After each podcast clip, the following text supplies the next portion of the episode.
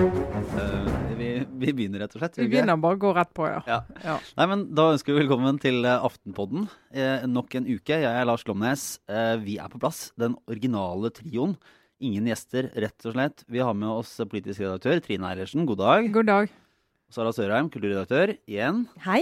Hallo, hallo. Eh, vi har eh, en liten eh, pause i vårt eh, gjesteprogramkonsept. Åh, det er så deilig. Nå trenger vi ikke å være høflige mot noen andre enn dere, kjære lyttere. Og det klarer vi jo bare sånn passe uansett. Men eh, vi har jo nok å snakke om likevel, da. Ja, da også takker vi selvfølgelig. Det har vært veldig interessant og veldig hyggelig å ha folk på besøk. Ja. Ja. Men nå kan vi prate bare akkurat om det vi, vi har lyst til, og ikke binde oss veldig til et spesielt parti. Nei, vi slipper, å, ba, vi slipper å stille så mye spørsmål. Ja.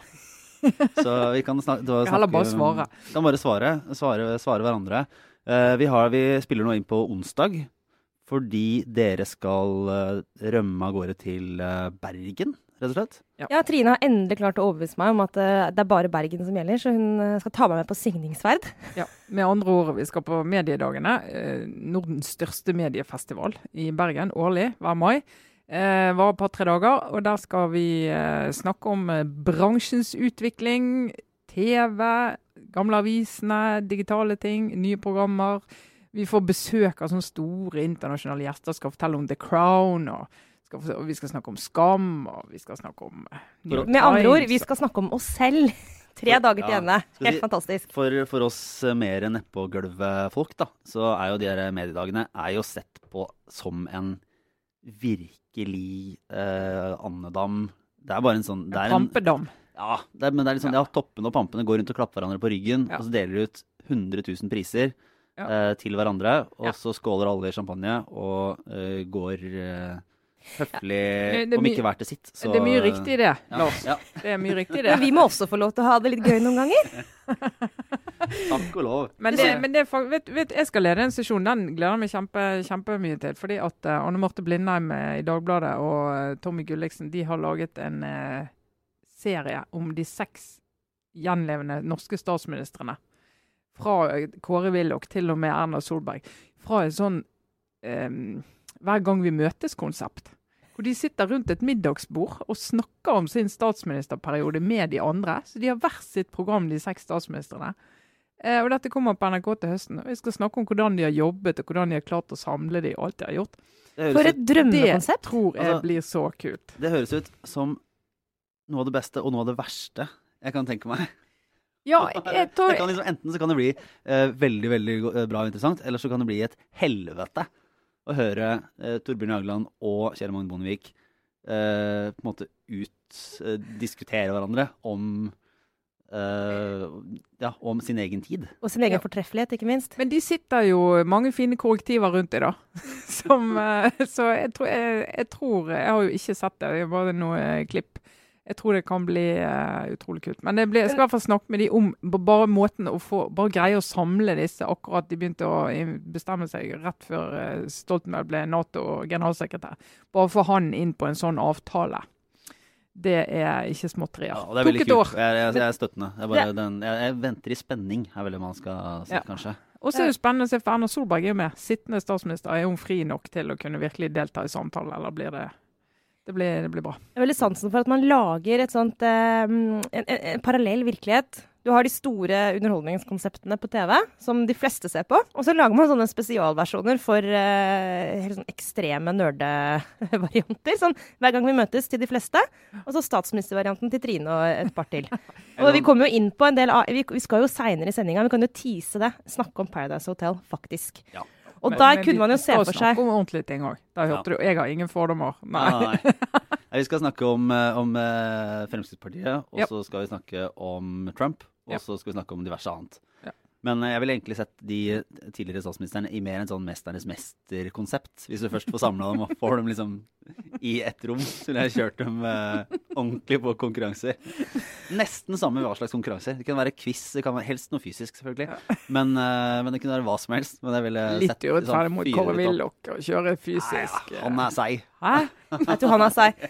Jeg skal lede panelet i Bergen, jeg også. eh, For det er veldig viktig for oss å understreke at vi drar dit også for å jobbe. Så bare så det er sagt nå, jeg skal lede et eh, panel om hvorfor mediene ikke forstår distriktene. Ikke le! Så det handler ikke om hvorfor Sara ikke forstår distriktene. Jeg, jeg tenker at du kan i hvert fall stille veldig åpne og gode spørsmål. Jeg skal være Du jeg kan skal, bruke undringskompetansen din, Sara. ja, Og jeg har mye undringskompetanse. Så jeg, dette lover jeg. Hilde Sandvik, eh, tidligere BT-kulturredaktør, eh, nå redaktør av noe som heter Broen, hun skal i panelet. Så, og hun er jo skikkelig beinhard. Så jeg kommer ikke til å tørre å være Altså jeg skal være ganske sånn forsiktig. Jeg kommer til å få bank hvis ikke jeg er det. Så det, det er greit å bare være forberedt på det. Og så kommer Hans Petter Sjøli fra VG, og vår, eh, han er jo ofte med i vår eh, venne- slash fiende-podkast Jæver og Joffen. Og han er enda mer håpløst eh, sånn Oslo-sentrert enn meg. Så da Som han den trønderen han er. ja, men Ja. tross alt, liksom. Så jeg, jeg går, går inn i dette med et åpent sinn. Så Lars, vi kommer tilbake neste uke med en rapport fra andedammen, da. Kan vi love. Det, det er veldig godt. Det er jo en, en feiringens uke. Jeg lurte litt på om vi skulle si noe om kongeparets 80-årsdag. Men det er egentlig det er ingen av oss som er sånn veldig engasjert. Nei, altså jeg kan jo bare nevne fort at uh, som den samfunnsengasjerte borger jeg er, så tok jeg med familien min på Slottsplassen i går for å synge hurra for deg til kongeparet. Eh, litt fordi min datter er eh, frostskadd, eh, som så mange andre små barn. Så hun var helt yr av glede over å skulle se eh, prinser og prinsesser og slikt. Bare knuse den illusjonen med en gang. Altså, for å si det sånn, eh, det norske litt sånn folkelige monarkiet, det er egnet for å skuffe dypt en jente som ser for seg Anna og Elsa. Eh, Det er ikke mye Anna og Elsa, bortsett fra dronning Silvia. Så jeg vil bare sende en takk til det svenske kongehuset for å ha en dronning som i hvert fall er i stand til å se ut som en dronning på balkongen, sånn at barna eh, blir fornøyd. Fordi hun hadde jo krone, et diadem da, men strengt tatt. Ja. Så eh, ja, vi får, vi får si at det var innsatsen på dette feltet fra meg i år. I hvert fall ungen min sett kongen og dronningen. Det er godt. Det er nok et minne for livet, vil jeg håpe. Så en annen stor ting skjer denne uken som vi ikke skal snakke om. bare for å begynne med alt vi skal snakke om, og Det er jo LO-kongressen, og det at faktisk LO får seg en ny leder denne uken. Altså Christian Gabrielsen blir valgt nå på slutten av uken. Og da blir det Ola Storeng har beskrevet han som en av de som sannsynligvis kommer til å bli en av de sånn store LO-lederne. Altså som sitter kjempelenge og bestemmer veldig mye og veldig mye makt. Hva er det mest spennende vi vet om han? Det mest spennende vi vet om han, Ja. litt sånn funky. Ja. Nei, det vet jeg ingenting om. Men jeg har sett han på scenen, så han både nå under Ap-landsmøtet og et par andre ganger. Han er veldig god. Han er en god kommunikator. Han er knallhard og tydelig. Og ung nok til at han uh, har mange mange år igjen før han når dette alderskravet. Som Ja, jo faktisk eh, gjelder i LO, som gjør at, uh, at sånn som Geir Kristiansen kunne jo ikke sittet lenger. Nei, hun var en overgangsfigur, det er ikke han. Det mens de venter på en sånn som han. Og så er han fra privat sektor. Og det er også ganske sånn, det betyr noe i LO. Flåtten kom derfra. Gerd Kristiansen og Valle kom fra offentlig sektor, nå liksom privat sektor igjen. Og det er en del i LO, og litt utenfor LO òg, som trives med det. Men eh, du Trine, har jo eh, brukte jo forrige helg rett og slett på Gardermoen, vakre Gardermoen, tilbake eh, og dekket Fremskrittspartiets landsmøte. Ja da. Hva tar vi med oss derfra? Var det god stemning? Det var veldig god stemning. veldig god stemning. Det er jo, eh, Fremskrittspartiet er jo, Vi har jo beskrevet disse landsmøtene, og det som er slående med Fremskrittspartiet, det er en sånn altså Det er nesten som en forening. Når du kommer inn, Noe av det første du møter, det, det står sånn utstillingsdukker med, bak en liten disk ikledd sånn Fremskrittspartiklær som du kan kjøpe. Jakke, dress, hatter, pins, brusåpner, altså sånn logoting. Så du kan virkelig gå all in. Vindjakke, dressjakke. Det Vi an. Snakker du merch, rett og slett. Mye merch, og det går vel fortsatt an Jeg har i hvert fall sett at det tidligere har solgt sånne vaffeljern, så du får uh, Frp-vafler. For Ja. det er også en, en gimmick de har ved, ved ankomst. Uh, Vaffel, ja. Hver gang før du går inn uh, døren, så får du vafler.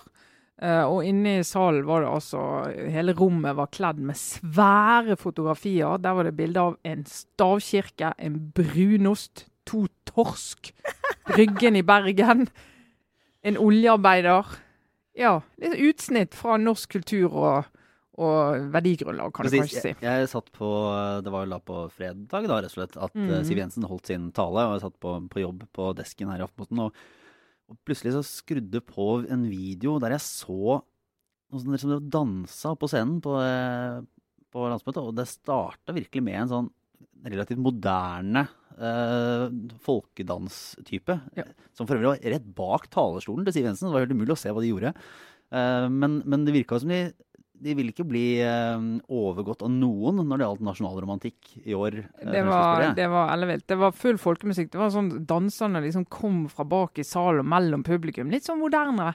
Eh, folkemusikk og knallhard eh, dans og sang på det nasjonale. Så etter hvert kom applausen, og folk skjønte at det ikke bare var moderne, men at det var litt sånn nasjonalromantisk òg. Eh, så det var stor jubel for det. Men eh, Bare for å stoppe opp der litt. Altså er noe i meg, men det er mulig dette er en sånn gammel sånn eh, refleks fra det ironiske 90-tallet på Blindern, hvor, eller 2000-tallet, sånn post eh, Lillehammer-OL. Eh, så kom jo den reaksjonen eh, med globaliseringen og med Thomas Hylland Eriksen som liksom den store ledestjernen, eh, hvor, hvor alt det norske og alt det nasjonale eh, ble, nest, altså ble på en måte stempla nærmest som brunt. Og, eh, og kanskje henger det litt igjen. Men så jeg vet ikke, men magefølelsen min eh, når du beskriver dette, Trine, og de bildene jeg så fra landsmøtet, er at det er, no, no, det er litt guffent, syns jeg. Altså Den nasjonale orienteringen der, jeg syns den er ubehagelig. Jeg føler at, er, at det er eh, skummelt. Ja, altså det er, en, det, er, det er litt sånn rød tråd i landsmøtene i år. og Det handler jo om denne distriktsdimensjonen. og det var jo, Fremskrittspartiet var jo akkurat like opptatt av den som alle andre, men alle partiene har jo sin take på det, som vi sier på eh, engelsk-norsk. Eh, men det er litt sånn understreke, som Siv Jensen tidlig i sin tale, vi elsker dette landet. Vi elsker det vi står for, verdiene våre. altså det er sånn Woo! Så har det blitt, det har blitt skrudd til for hvert landsmøte, omtrent. Altså den, eh, Ja, men så tror jeg Frp har jo ikke vært så veldig på det, det der. Altså liksom stavkirker, sant. Men det er jo, det er jo eh, Arbeiderpartiet òg. Vi brukte jo mesteparten av landsmøtet sitt omtrent til å snakke om distriktene. Eh, Høyre skal ta Norge i bruk og tro på Norge. Senterpartiet tror på hele Norge. Eh, og så har du, det- har du det gående. Så det er en dimensjon i denne valgkampen som er mye tydeligere enn den har vært før. Det er Ja. litt sånn vi, jo, vi kan jo minne også om kulturministerens eh, Facebook-post oppunder jul, eh, som var et eh, Husker dere den? Et forsøk på en slags Bunad med brunost og alt. Bunad, bunadskledd hyllest til brunosten og det norske. Altså, eh, det er mulig alt dette her er kyniske forsøk på å demme opp for Senterpartiet og for å uh, skaffe seg noen flere stemmer til høsten. Uh, men hvis det er uttrykk for en dypere kulturell endring, og faktisk en sånn uh, nasjonalistisk fremvekst, da, så eh, Men jeg, jeg tror egentlig ikke det. Jeg Nei. tror egentlig ikke Det Det er mer sånn å markere at vi Retorik. selvfølgelig bryr oss om, om Norge og landet rundt. Så jeg oppfatter ikke for så vidt altså Fremskrittspartiet kan pakke mye inn i den eh, dimensjonen. altså Alt fra innvandringsskepsis til eh, antiglobalisering til eh, distriktskrangel i valgkampen.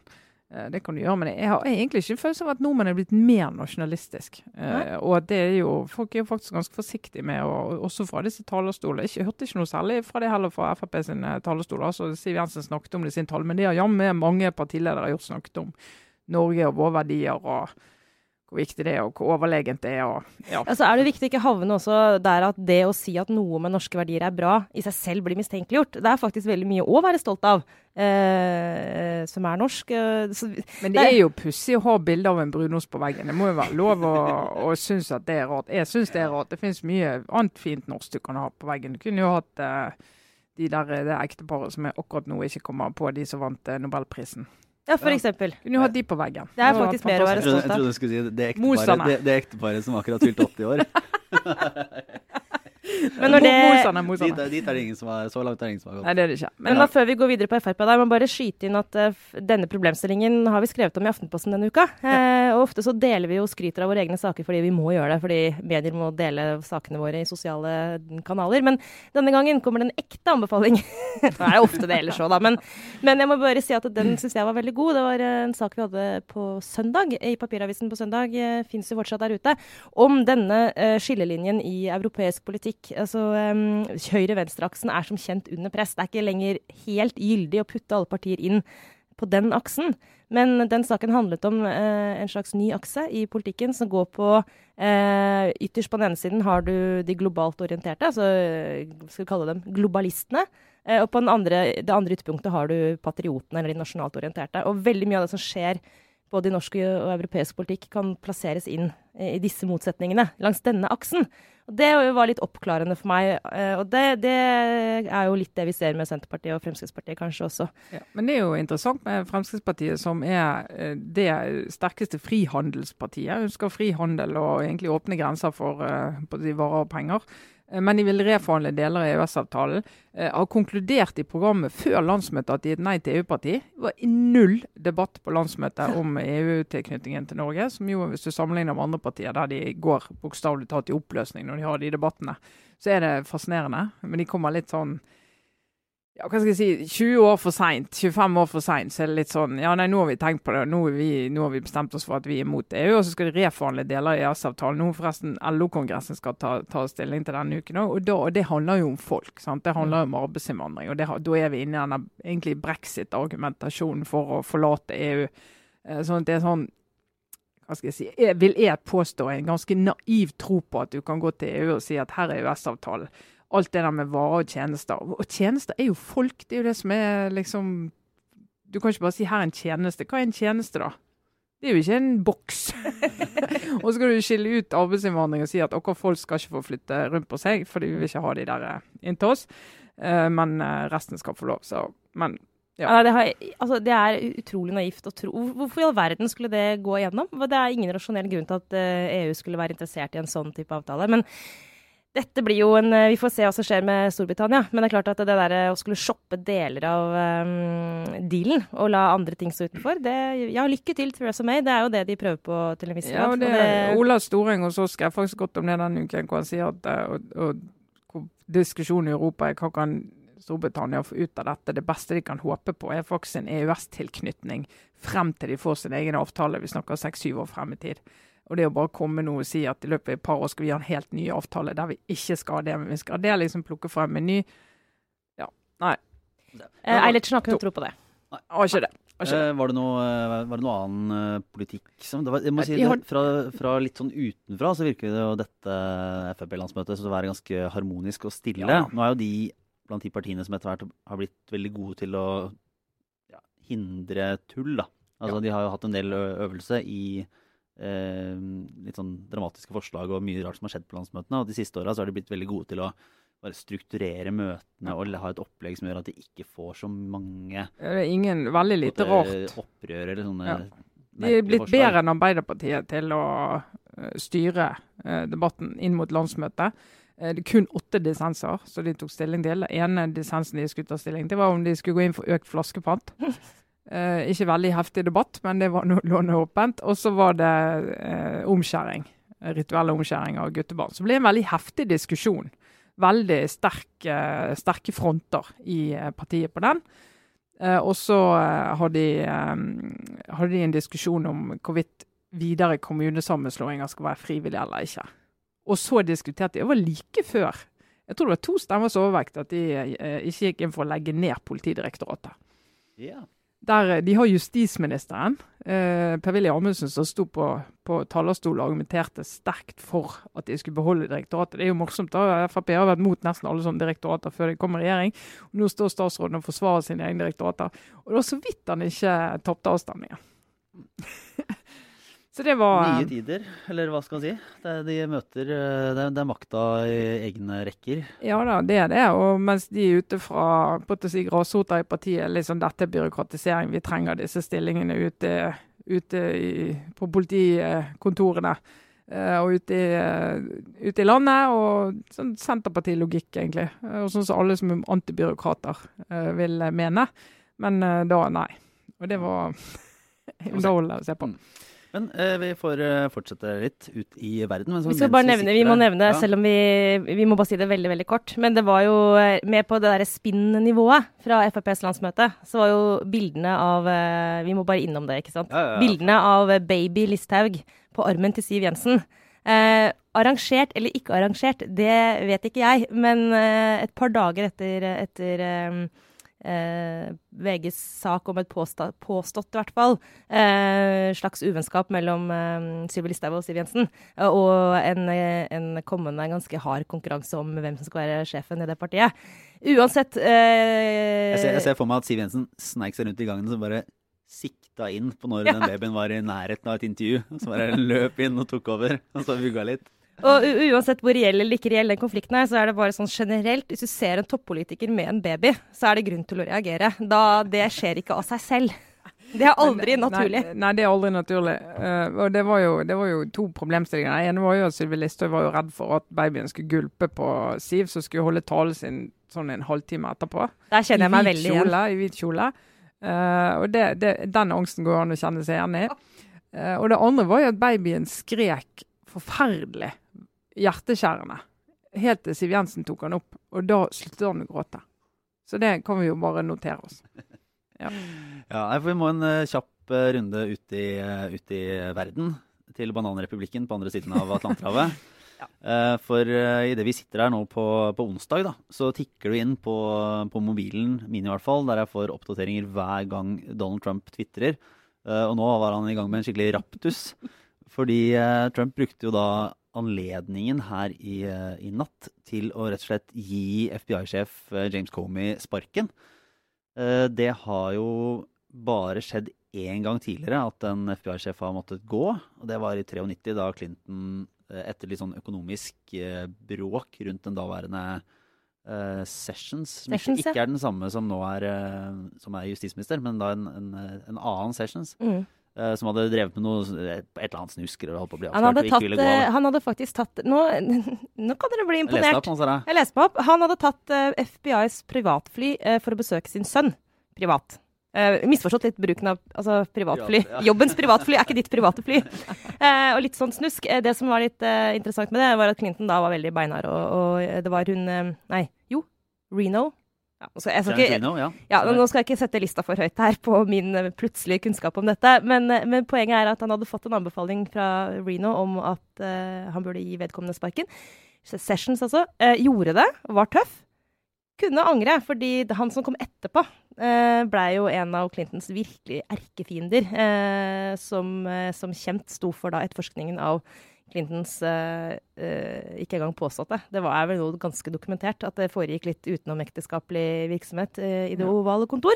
Ja, Jeg skal ikke gå så mye inn i det, men det, han, han, han angra sannsynligvis litt på at han fikk inn en enda mer, hva skal vi si, hardworking FBI-direktør. Ja, men den gang var det ikke i nærheten av så kontroversielt som det er nå. Rett og slett. For nå er det jo eh, Pengesnusk pleier å være eh, grei.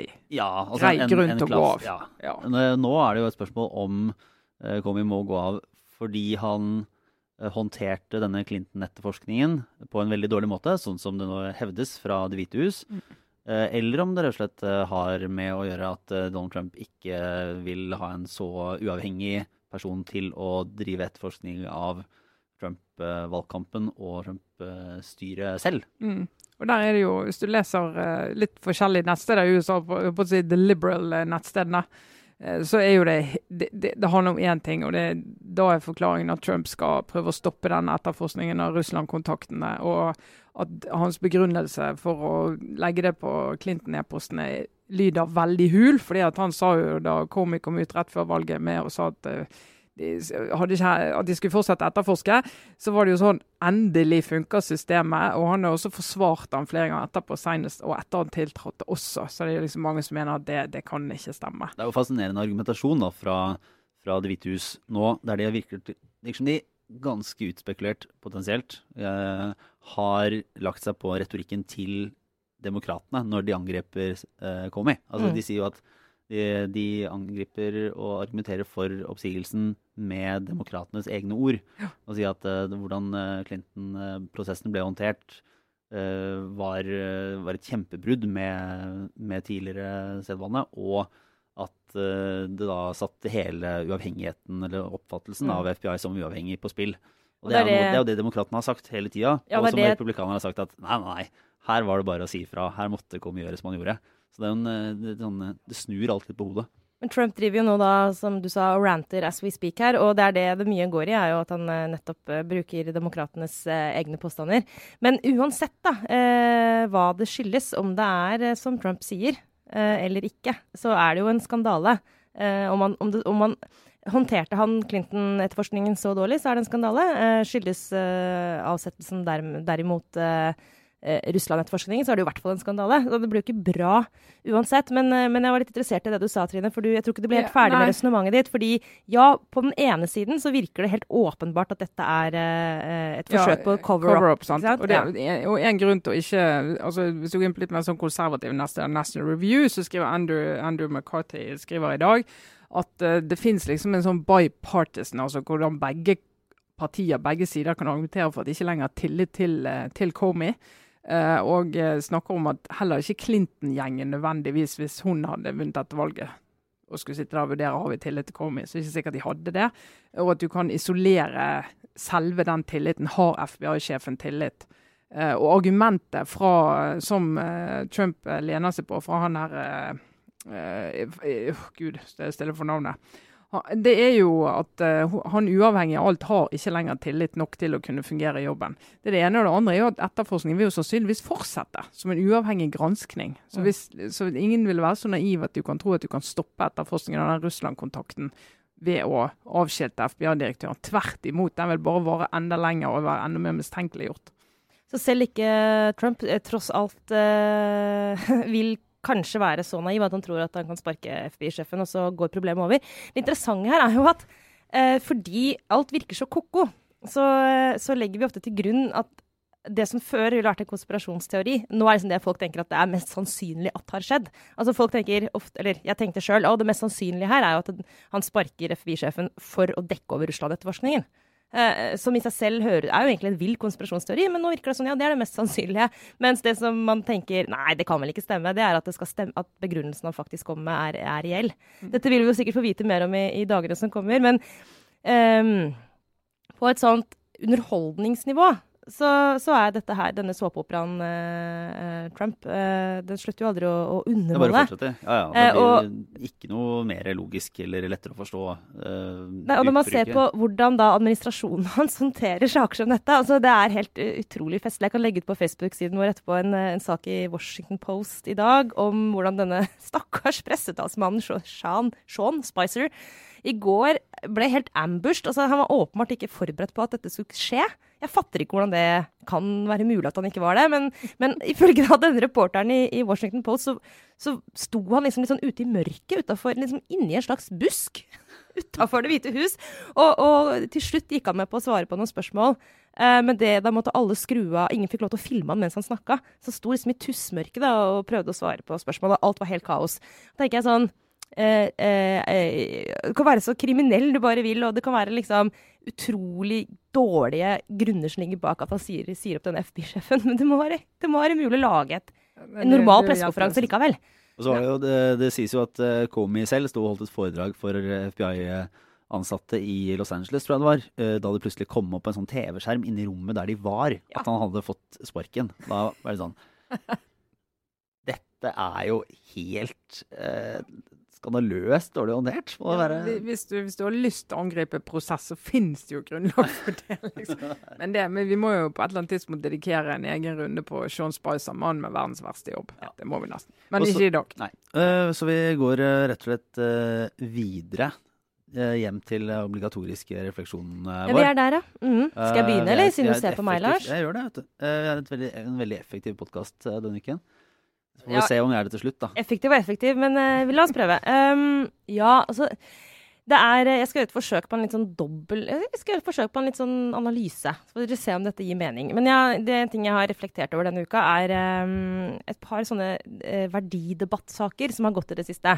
Uh, hvor jeg, en ting er nå selve saken og det man diskuterer, men jeg irriterer meg over måten en del saker behandles på. og det eh, sakene jeg har tenkt på spesielt, er eh, Det har vært en diskusjon Aksel Brånen Sterri, tidligere Dagbladet-kommentator, nå forsker, som har uttalt seg om eh, det at Altså, hvordan skal vi åh, Det er nesten jeg ikke er- orker å snakke om det. Vet, men la oss bare ta det veldig kort og greit. Vi skal ikke diskutere den saken i seg selv. Men det handler om Downs syndrom, og hvorvidt man skal prøve å, å hindre at uh, man har mennesker med Downs syndrom i et samfunn, hvis man kan det. Eller om det er en så stor verdi for samfunnet uh, å ha mennesker som er annerledes, at uh, man bør heller være glad for alle man får. Ikke sant? Det er en omtrent. veldig omtrentlig Ja, oppsummering. så men Det startet med en sånn Ja. abortrettighetsdebatt, egentlig. Og hvor, ja, Ja. hvor stor frihet en kvinne skal ha til å ta abort litt sånn uansett. ja, Og og så har viklet det seg inn en, nå da en lengre tråd om uh, om særlig Downs syndrom, egentlig. Ja, og det som har vært uh, Det som har skjedd, er jo at uh, Sterje har også fått en politianmeldelse i denne saken. og det har vekt ekstremt sterke følelser av det han har sagt. Og så har han prøvd å argumentere, og det er her egentlig poenget mitt kommer. Han har prøvd å si det må være mulig å ha en diskusjon om dette på et teoretisk, prinsipielt nivå.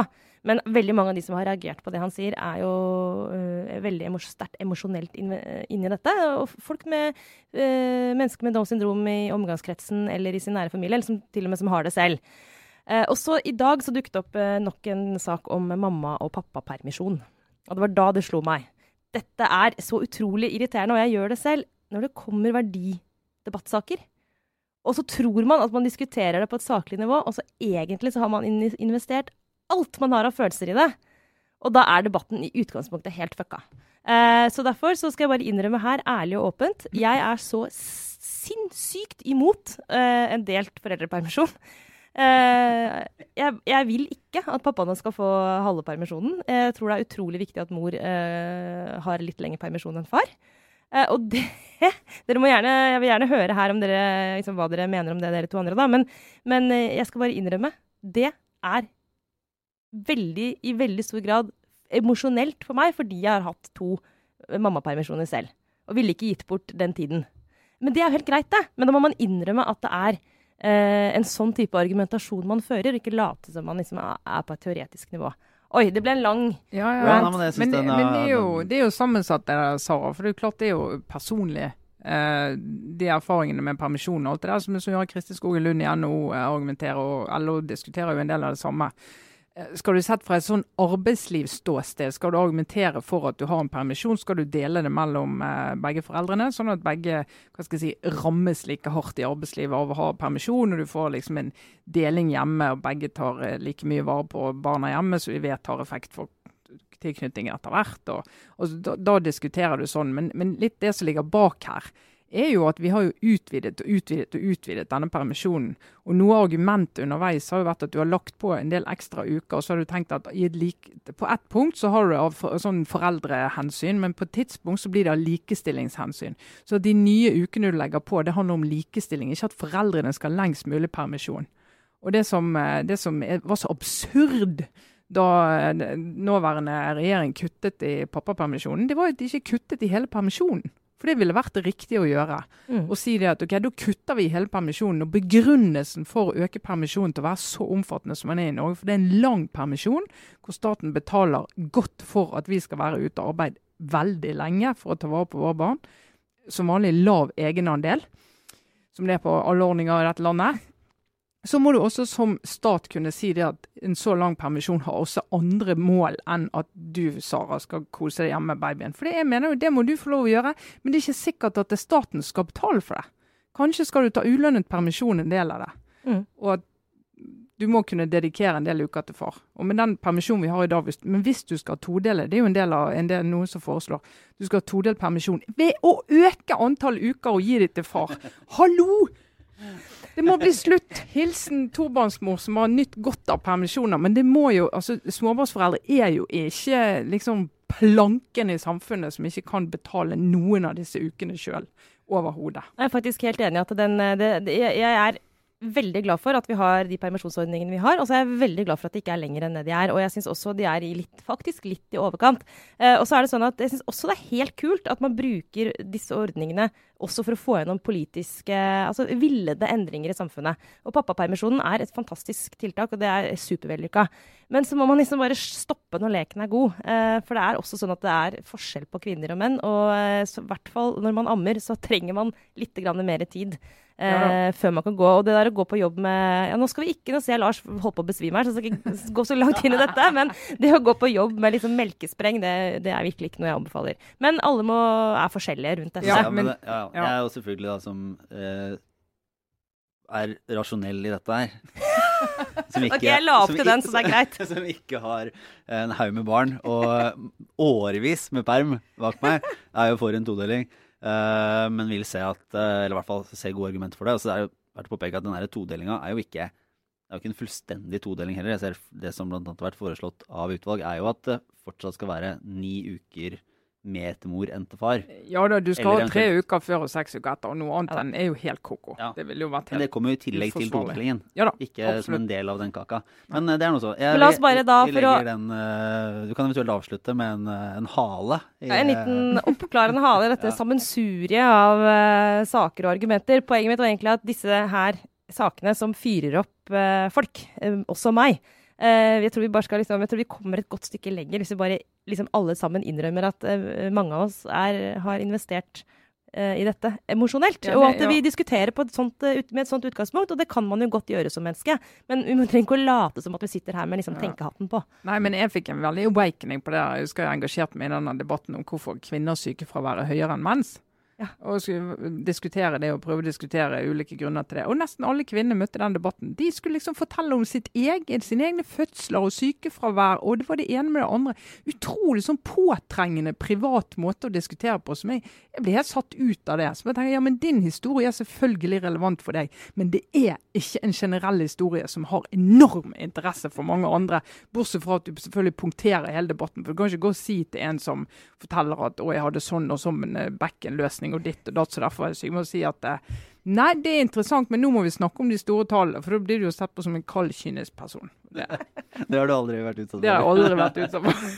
Nei, nei, men da, nå, min obligatoriske refleksjon Det er egentlig har vært en vedvarende noe jeg har reflektert over nå i eh, mange uker. Og som er forberedt på at det her må jeg ta inn i, i vårt lille fora også. Tisete. Og jeg, og jeg har jo eh, nevnt det tidligere, fordi jeg har eh, blitt en Paradise Hotel-seer i løpet av denne våren. Eh, og det er, ja, det er noe nytt og spennende og har, eh, har tilført livet mitt mye. Ja, det, men det er ingen av dere som har sett på noen gang, er det? Jeg har aldri sett altså, og Det som er så mye annet, altså. Jeg har aldri sett Farmen ingenting. Og det er ikke fordi jeg bare sånn bevisst aktivt velger det vekk, men det, det vil ikke bare falle meg inn å stoppe opp når jeg zapper forbi på en sånn gjeng med mennesker jeg aldri har sett før, surre rundt i skogen eller på en badebasseng og tenke dette skal jeg se på. Så jeg aner ingenting om det. Jeg aner ingen som har vært med på det. Jeg aner ikke hva kanal det går på. Så det utgangspunktet er Men det, det er det her som er fascinerende, fordi jeg, jeg var akkurat som deg, Trine. Du kan, fortsatt, eh, du kan fortsatt koble deg på, for det har jo gått i jeg vet da, fader, ti år eller et eller annet. Ja, altså, Eh, jeg vel kan jo... sesong ni kanskje, eller åtte eller et eller annet. Problemet er at det er ikke akkurat ti år. Fordi vi jobber med en sak, faktisk, kan jeg jo si noe, da, på Aftenposten Kultur. Tenk deg, Vi lager en eh, sammenlignende analyse av eh, Big Brother og Paradise Hotel. eh, fordi vi har lyst, men vi har lett sånn veldig etter en knagg, for det må man jo ha i journalistikken. Og vi håpet lenge at det kunne være at Paradise Hotel nå er ti år, men så var det sånn, det er åtte-ni, liksom. Så, I hvert fall. Jeg har jo da ikke sett på dette i det hele tatt før. Eh, men jeg tenkte at ja ja, det er jo en eh, generell kulturell referanse. Ja. Så nå har jeg satt jeg har, jeg har ikke sett sånn hver dag, men jeg har sett eh, kanskje litt hver uke. Og har nå Er det hver dag? der, altså, Dette visste jo heller ikke jeg da før jeg begynte å se på. Eh, for det første så oppdaget jeg at det går jo nesten det går jo hver dag. Altså, mandag TV? Til, på TV? Mandag til og med torsdag. Og så, etter at jeg hadde sett tre episoder og var litt stolt av at jeg begynte å følge med, så fant jeg ut at det varer jo i månedsvis! Ja, er de der fortsatt, liksom? Ja! Nei, altså de er ikke der fortsatt, men uh, i, på TV så er de der fortsatt. Fordi jeg tenkte at eh, ok, det er ti stykker som går inn da på et hotell, uh, og så skal de være da i par, og så må de alltid ha en person de står med. Så kan de være. Det jeg ikke hadde skjønt, var at det fylles jo på med folk hele tida. Så det Så det er ikke sånn at de blir stemt ut én og én, så er det ti episoder, og så er det en igjen til slutt. Jo, men de blir det. Men plutselig så kommer det inn noen nye. Og så, blir det, så går det bare det varer. Men det som er fascinerende, er jo de castingen er så god, da. For de finner jo de merkeligste mennesker. eh, Og i motsetning til noen sånne talentprogrammer, så bruker de liksom ikke opp den der, det bassenget av uh, talenter. Det fins tydeligvis i Norge nesten ubegrensa med folk som har lyst til å være med på dette her. Og da har castingen klart å sette sammen. Det er uh, fascinerende og, og litt sånn avhengighetsdannende å se på. Og så er det jo morsomt fordi hendelsene, på en måte, hva skal jeg si, storylinen, da, den endres jo hele tida. Og de som sitter der inne, begynner jo da å De driver jo og sier at de spiller spillet og skal være igjen til slutt, da. Hva kan de, kan de vinne noe? Ja, dette visste jeg heller ikke før i, for noen uker siden. Uh, men til slutt så er det igjen to stykker, og så uh, kan de Ja, det her er helt sjukt. Så skal de stå, de to som er igjen, med ryggen mot hverandre med en sånn kule i hendene. og så skal de Og så er det Hvis begge holder i den i sånn et eller annet viss tidsperiode, så får de tror jeg, 300 000 eller noe som de deler. Ok, Hva skjer hvis de mister den? Men det er ikke noe å miste. Men hvis du kaster den, så får du eh, Jeg vet ikke om det da er 150 000 sjøl, og så får den andre ingenting.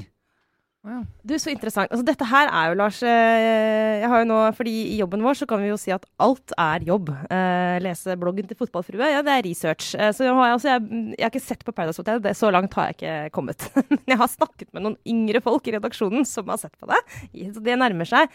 Eh, og jeg har jo skjønt at dette er jo en helt sånn me, altså, det er, jo en, en, det er jo gaming, på en måte. Da, eller du bruker, altså, det er mens, et slags lab, menneskelig laboratorium. Hvor Ja, du utsetter folk emosjonelt for eksperimenter. Eh, Ja, og så er det fascinerende, for det, er, de, det skjer underveis. Og de som sitter der inne, de glemmer jo det at det de sitter og altså forteller om hvordan de skal spille spillet, og hvordan de skal legge strategier Det sitter jo da noen produsenter på andre sida av den der kameraet som bare Ja, OK, du sier det, ja. Ja, men da bare endrer vi noe. Sånn at Da din teori ikke ikke det, henger liksom. sammen. Ja.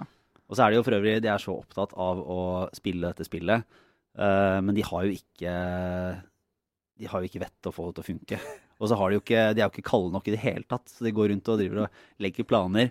Men så får han der Petter da plutselig muligheten til å dytte ut Morten, og Morten er sånn uh, hjernen i dette programmet og driver og tror han er kongen overalt. Men da har ikke Petter liksom, Han har ikke mot til å bare si 'Morten, kom deg ut'.